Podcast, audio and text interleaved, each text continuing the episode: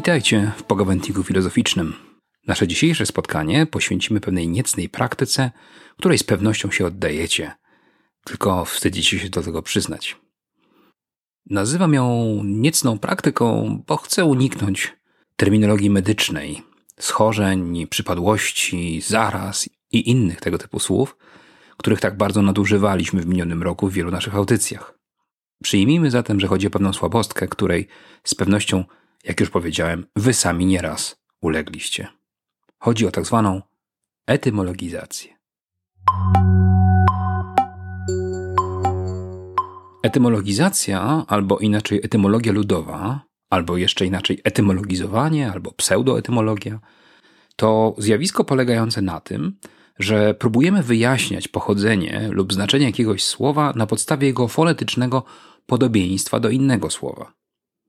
A mówiąc prościej, szukamy połączeń między słowami, sięgając do historii poprzez naszą intuicję, przekonani, że odkrywamy jakąś ukrytą wcześniej przed nami prawdę i że dzięki tej naszej dociekliwości sięgamy pierwotnego, źródłowego znaczenia słowa. No, taką prymitywną mitologizacją i oczywiście fałszywą, jak każda etymologia ludowa, jest na przykład wyprowadzanie słowa Włochy, naszej rodzimej i dość oryginalnej, trzeba przyznać nazwy na kraj Italczyków, od włosów. I wyprowadzanie z tego na przykład przeświadczenia, że Włochy wzięły swą nazwę na pewno od tego, że jej mieszkańcy są jakoś szczególnie owłosieni. Albo że Częstochowa wzięła swą nazwę od tego, że często odbywają się w niej pogrzeby. Był zresztą taki dowcip w latach 80., kiedy po śmierci Breżniewa na Kremlu zasiadali co chwilę nowi pierwsi sekretarza, ponieważ byli bardzo leciwi, dość szybko umierali, to w Polsce krążył wówczas taki żart, że oto Moskwa ma zmienić nazwę z Moskwa na Częstochowa. Podobny rodzaj ekscytacji um, związanej z pozornym albo może czasami prawdziwym odkryciem pierwotnego znaczenia słów wiąże się chociażby z historią dość wulgarnego słowa, pardon my French, duperele, czyli określenia dla uciążliwych, biurokratycznych drobiazgów, którymi musimy się zajmować zamiast zwrócić uwagę na to, co naprawdę ważne. Podobno, jak twierdzą niektórzy etymolodzy, którzy oczywiście do swojej pracy zabierają się poważnie, a nie oddają się etymologizacji, to określenie pochodzi od nazwiska austriackiego urzędnika, który bardzo lubował się w pisaniu długich, szczegółowych i zawiłych obwieszczeń, które dotyczyły rzeczy najczęściej mało ważnych i błahych, a nazywał się z francuska Di Perey. Czy to rzeczywiście źródło tego słowa trudno dzisiaj rozstrzygnąć, natomiast sama pokusa, żeby poprzez badanie słów, łączenie ich z innymi słowami, szukać jakiejś głębokiej prawdy, na pozór przed nami ukrytej, to jest właśnie to, co napędza wszystkich nas, kiedy oddajemy się etymologizacji. Trzeba tu bardzo mocno podkreślić, że etymologizacja nie jest etymologią w sensie ścisłym. Etymologia to bardzo stary wynalazek polegający na szukaniu, jak zresztą etymologia słowa etymologia pokazuje, etymon logos, prawdziwego znaczenia słów, które być może z jakich powodów zostało przed nami zasłonięte, ukryte, stracone, zapomniane. Etymologią zajmowali się już starożytni.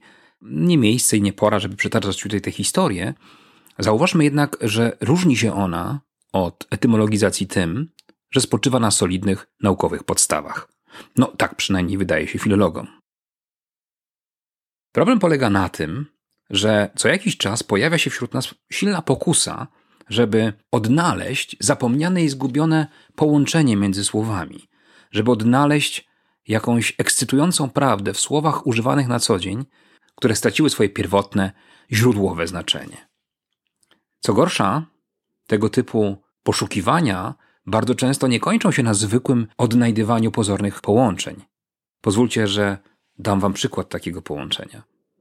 Pamiętam, byłem młodym, pryszczatym nastolatkiem i któregoś razu przyszło mi do głowy, że słowo spódnica musi pochodzić od tego, że pod spodem nic nie ma.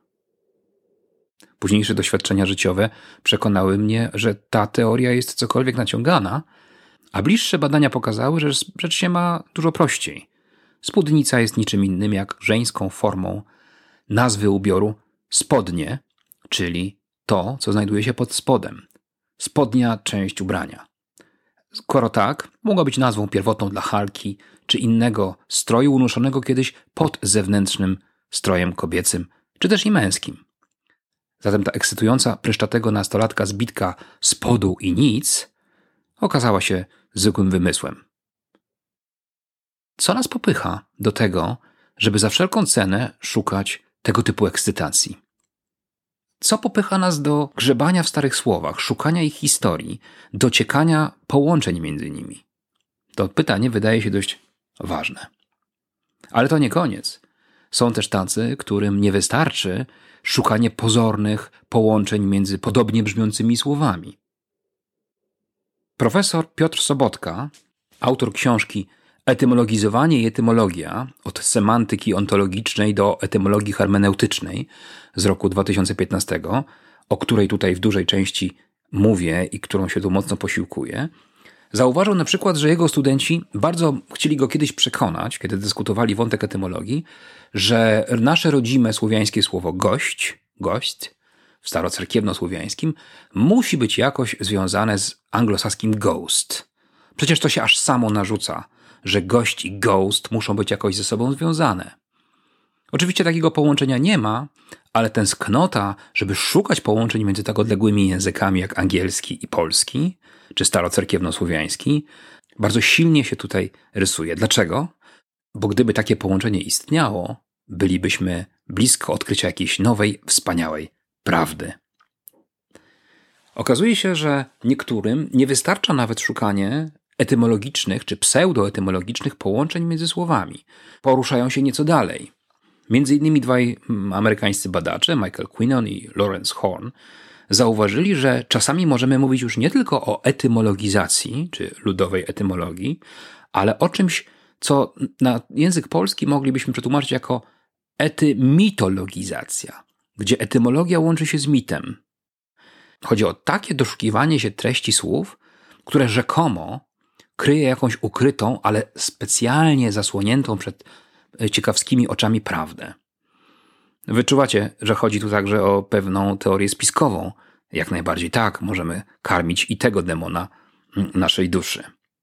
Przykład? Podobno słowo golf, chodzi mi tu o nazwę sportu uprawianego na trawiastych łąkach przy pomocy kijów i piłki, miałaby podobno powstać jako zbitka czterech słów. Gentlemen only, ladies forbidden. Znaczyłoby to, no, bardzo seksistowsko, że ci, którzy wymyślili golfa, zakleli wewnątrz tego słowa pewien przepis. Żadnych kobiet na murawie. To sport wyłącznie dla mężczyzn. Podobnie rzecz miałaby się mieć ze słowem snob, bardzo zresztą ciekawym, którego geneza jest interesująca i daje się odtworzyć przy pomocy solidniejszych badań, ale w opinii wielu słowo snob, czyli ten, kto się snobuje, że przynależy do jakiejś wyższej klasy, chociaż nie ma do tego być może uprawnień, jest zbitką albo łacińskiego sine nobilitas, albo francuskiego sans nobilité, czyli bez szlachectwa. Ktoś pozbawiony szlachectwa pozuje i pozoruje, że je ma. Rości sobie prawo do przywileju, na który nie zasłużył i dlatego właśnie jest snobem. No, najśmieszniejszy przykład, jaki udało mi się znaleźć w literaturze amerykańskiej, to podobno wywodzenie gringo czyli nazwy dla Amerykanów, mieszkańców Stanów Zjednoczonych, nadawanej im przez przedstawicieli kultury Ameryki Łacińskiej, miałaby się podobno brać stąd, że jest to rodzaj pewnego zaklęcia mówiącego, że zielone musi odejść, green go. A zielony to określenie dolara, czyli waluty amerykańskiej, która podbija południowy świat, zniewala go i tak dalej, i tak dalej. Innymi słowy, zemstą latynosów miałoby być to, że zaczęli mówić na Amerykanów ze Stanów Zjednoczonych gringo, przy okazji mrugając do siebie i mówiąc tak naprawdę green go. No, tylko Amerykanom mogłaby chyba taka interpretacja przyjść do głowy, jest mocno naciągana i kompletnie przekonująca. Ale w grupie takich etymologizacji moglibyśmy znaleźć także i pewne żarty. Nie mam nic do marki samochodowej BMW, ale zaskakująco często te trzy litery stają się obiektem różnego rodzaju żartów, przypominających nieco ety mitologizację. BMW ma znaczyć m.in. będziesz miał wydatki albo bolid młodzieży wiejskiej. Zostawmy jednak te na poły żartobliwe ety mitologizacje I powróćmy do etymologii ludowej, czyli etymologizacji.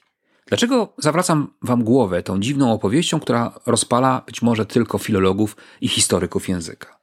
Otóż okazuje się, że za tym zjawiskiem i dążeniem do poszukiwania jakiejś ukrytej prawdy zapomnianych słów kryje się pewna ważna filozoficznie kwestia.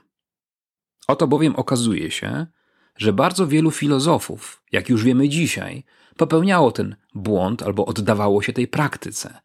Biegli jak gdyby na skróty między poszczególnymi słowami, szukali między nimi połączeń po to, żeby uzasadnić jakieś twierdzenie swojej koncepcji.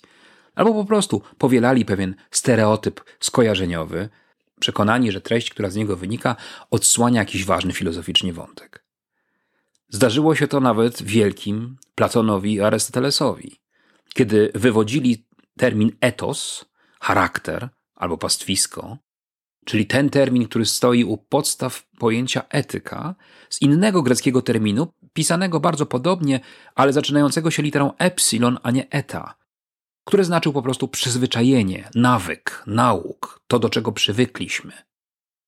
To połączenie, jak już dziś wiemy fałszywe i nie mające uzasadnienia w historii języka, wydaje się jednak intrygujące, zwłaszcza z perspektywy etyki Arystotelesa. Bo oto okazuje się, że etyka, cnota jest wynikiem ćwiczenia, przyzwyczajenia, nałogu, nawyku. Można ją rozwijać i ćwiczyć jak sprawność fizyczną. A więc to, co etyczne, moralne, wyrasta z tego, co rutynowe, z tego, do czego się przyzwyczajamy, w czym się ćwiczymy. No to bardzo ciekawie koresponduje z całą starożytną koncepcją cnót, które miały być pewnymi dyspozycjami charakteru, które rzeczywiście można ćwiczyć i rozwijać.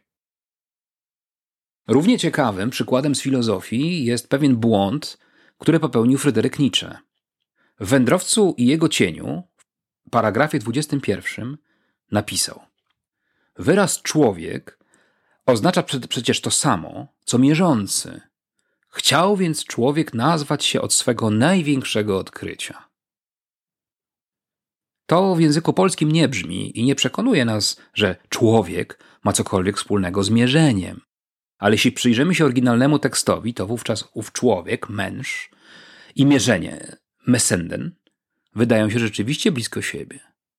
Jeśli przyjąć, oczywiście z perspektywy języka niemieckiego, że ta łączność naprawdę istnieje, no to wówczas zupełnie inaczej widzimy słowa Protagorasa z Abdery, że człowiek jest miarą wszechrzeczy i figurę homo mensura.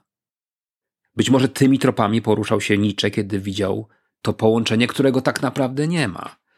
Być może w języku niemieckim łączność między męż i mesenden istnieje, ale na pewno nie można jej projektować na filozofię grecką i uzurpować sobie prawa do twierdzenia, że oto człowiek, który nazywa siebie mierzącym, nazwał się od swego największego odkrycia.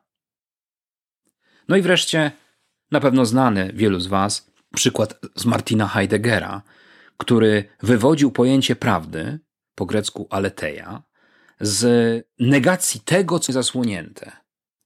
Jak w angielskim słowie discovery. Odkryć to, co przed chwilą było zamknięte, co było zasłonięte i skryte. Aletheia. Heidegger kieruje się intuicją, która podpowiada mu, że przedrostek a w języku greckim oznacza negację. Problem polega na tym, że według filologów klasycznych aletheia ma inną genezę. Nie była to żadna leteja, której zaprzeczono przez dodanie na początku A, co jednak nie przeszkodziło Heideggerowi wyprowadzać ciekawych twierdzeń na temat tego, jak należy rozumieć prawdę. Prawdę jako nieskrytość. No i tu dochodzimy do sedna. Do pytania, dlaczego także filozofom i filozofkom zdarza się etymologizować.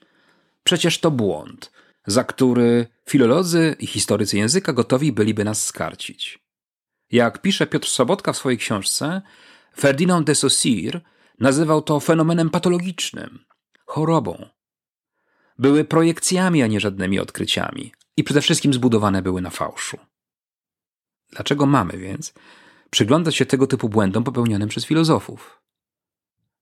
A może jest w tym jakaś ciekawa myśl?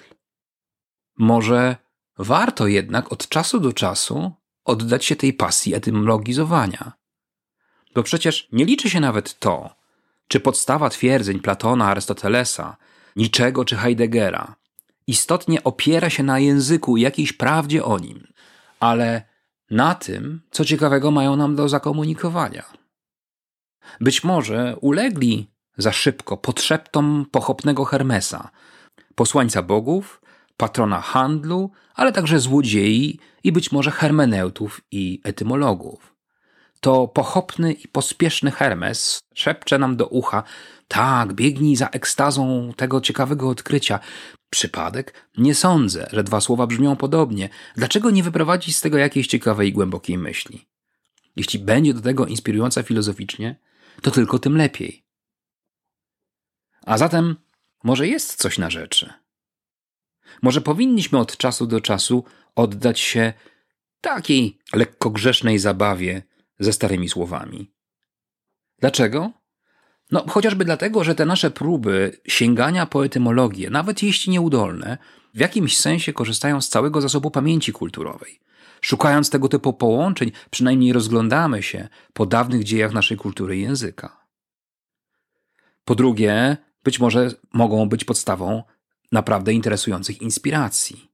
Same jako takie, ale także jako problem, który stwarzają czy rzekomo odsłaniają. Być może przywracają w chaotycznej rzeczywistości, w chaotycznej przestrzeni naszego języka, którego ciągle się przecież uczymy i nigdy nie opanujemy w całości, jakieś małe miejsca sensu. Co więcej, i po czwarte, są być może wyrazem wrażliwości językowej. Rozwijają tę wrażliwość. Może jeszcze warto uświadomić sobie, że tropiąc takie etymologie, domorosłe i ludowe, w gruncie rzeczy filozofujemy, o tym nie wiedząc. Bo to, co nas napędza, to ciekawość świata i chęć zaspokojenia tej ciekawości. No i jeszcze jedna, może ostatnia sprawa. Takie etymologiczne odkrycia dają po prostu frajdę. Powiedzmy sobie jasno, jak często zdarza nam się w robocie naukowej, w refleksji filozoficznej odczuwać daleko posuniętą satysfakcję, ekstazę odkrycia czegoś nowego. Pielęgnujemy w pamięci te wszystkie legendy o Archimedesie, który wyskoczył z wanny, bo woda mu się wylała i w tym właśnie momencie wynalazł swoje słynne prawo. O Newtonie, któremu na głowę spadło jabłko i popchnęło go to do sformułowania jego fizycznych twierdzeń. O Kekulem, wynalazców wzoru benzenu, któremu przyśnił się Uroboros, wąż zjadający swój własny ogon i dzięki temu nagle olśniło go, jak może wyglądać cząsteczka benzenu ułożona w pierścień. A nawet opowieść o Kartezjuszu i jego śnie w nocy z 10 na 11 listopada 1619 roku, kiedy miała mu się przyśnić wizja systemu, który za chwilę tak gwałtownie mu się objawi. Wszystkie te opowieści pielęgnujemy w pamięci, trochę ich zazdrościmy, bo w normalnej, codziennej robocie filozoficznej okazji do tego typu ekstazy, heurezy, wybiegnięcia z wanny i zawołania eureka, takich okazji naprawdę mamy niewiele. Dlaczego więc nie oddać się tej frajdzie? Być może zrodzi się z tego jakaś poważna, filozoficzna inspiracja. Tę krótką opowieść zakończę cytatem z książki Piotra Sobotki, który relacjonuje list, jaki dostał od swego znajomego, który nie jest ani filozofem, ani filologiem, ale który jest wielkim amatorem czytania słowników etymologicznych. Pisze on w ten sposób. Słownik etymologiczny rzeczywiście przeglądam niekiedy dla przyjemności. Najbardziej interesujące dla mnie są słowa, które brzmią dziś niezrozumiale – Czasem też różne znaczenia przewijające się w dziejach danego drzewa etymologicznego pozwalają na wypełnienie treścią jednego słówka, jednego liścia z drzewa, co też powoduje, że świat nabiera głębszej treści. A zatem pozwólmy pochopnemu Hermesowi szeptać nam do ucha: Zajmij się starymi słowami, poszukaj łączności między nimi, może zainspiruje cię do do jakiejś głębszej myśli.